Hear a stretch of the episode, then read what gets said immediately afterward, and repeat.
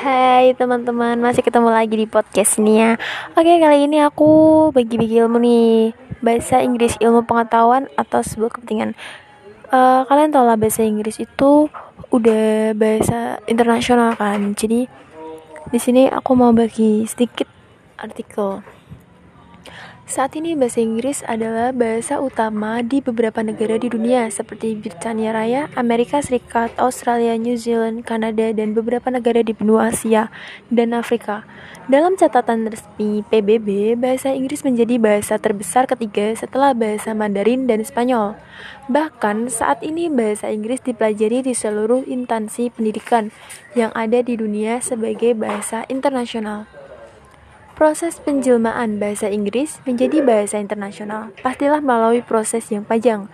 Bahkan kemunculannya bisa kita telusuri sejak era peradaban barat kuno.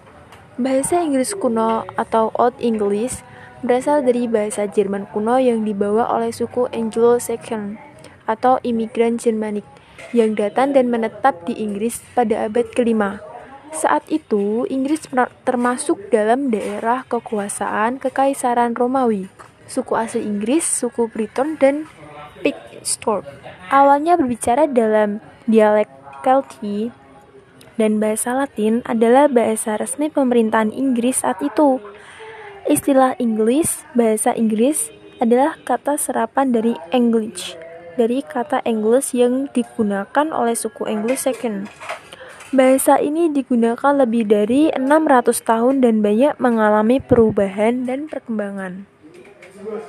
Pada abad ke-10, bangsa Normandi atau Prancis Utara yang dipimpin oleh William the Conqueror berhasil menaklukkan Inggris dan memasukkannya dalam wilayah kerajaannya yang juga menjadi cikal bakal terbentuknya kerajaan Inggris. Invasi bangsa Norman ke Inggris memberikan pengaruh yang besar terhadap bahasa Inggris.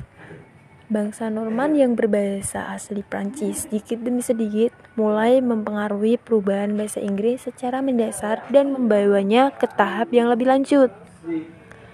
Bahasa Latin yang sebelumnya menjadi bahasa resmi pemerintahan mulai berganti menjadi bahasa Prancis di bawah kepemimpinan William de Contour. Ini membuat perubahan pada tata bahasa di dalam bahasa Inggris. Di antaranya perubahan kosakata, ejaan, struktur kalimat, dan pengucapan. Periode inilah yang disebut sebagai tahap yang lebih lanjut di mana bahasa Inggris kuno atau Old English berubah menjadi bahasa Inggris pertengahan atau Middle English akibat dari pengaruh bahasa Prancis. Oke. Okay. Kemudian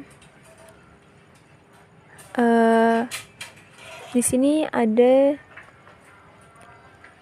proses standarisasi bahasa Inggris dimulai pada masa modern awal atau standarisasi ini ditandai dengan adanya mesin press kedua adanya kamus dan buku Dreamer udah cukup. Sekian dari aku. Goodbye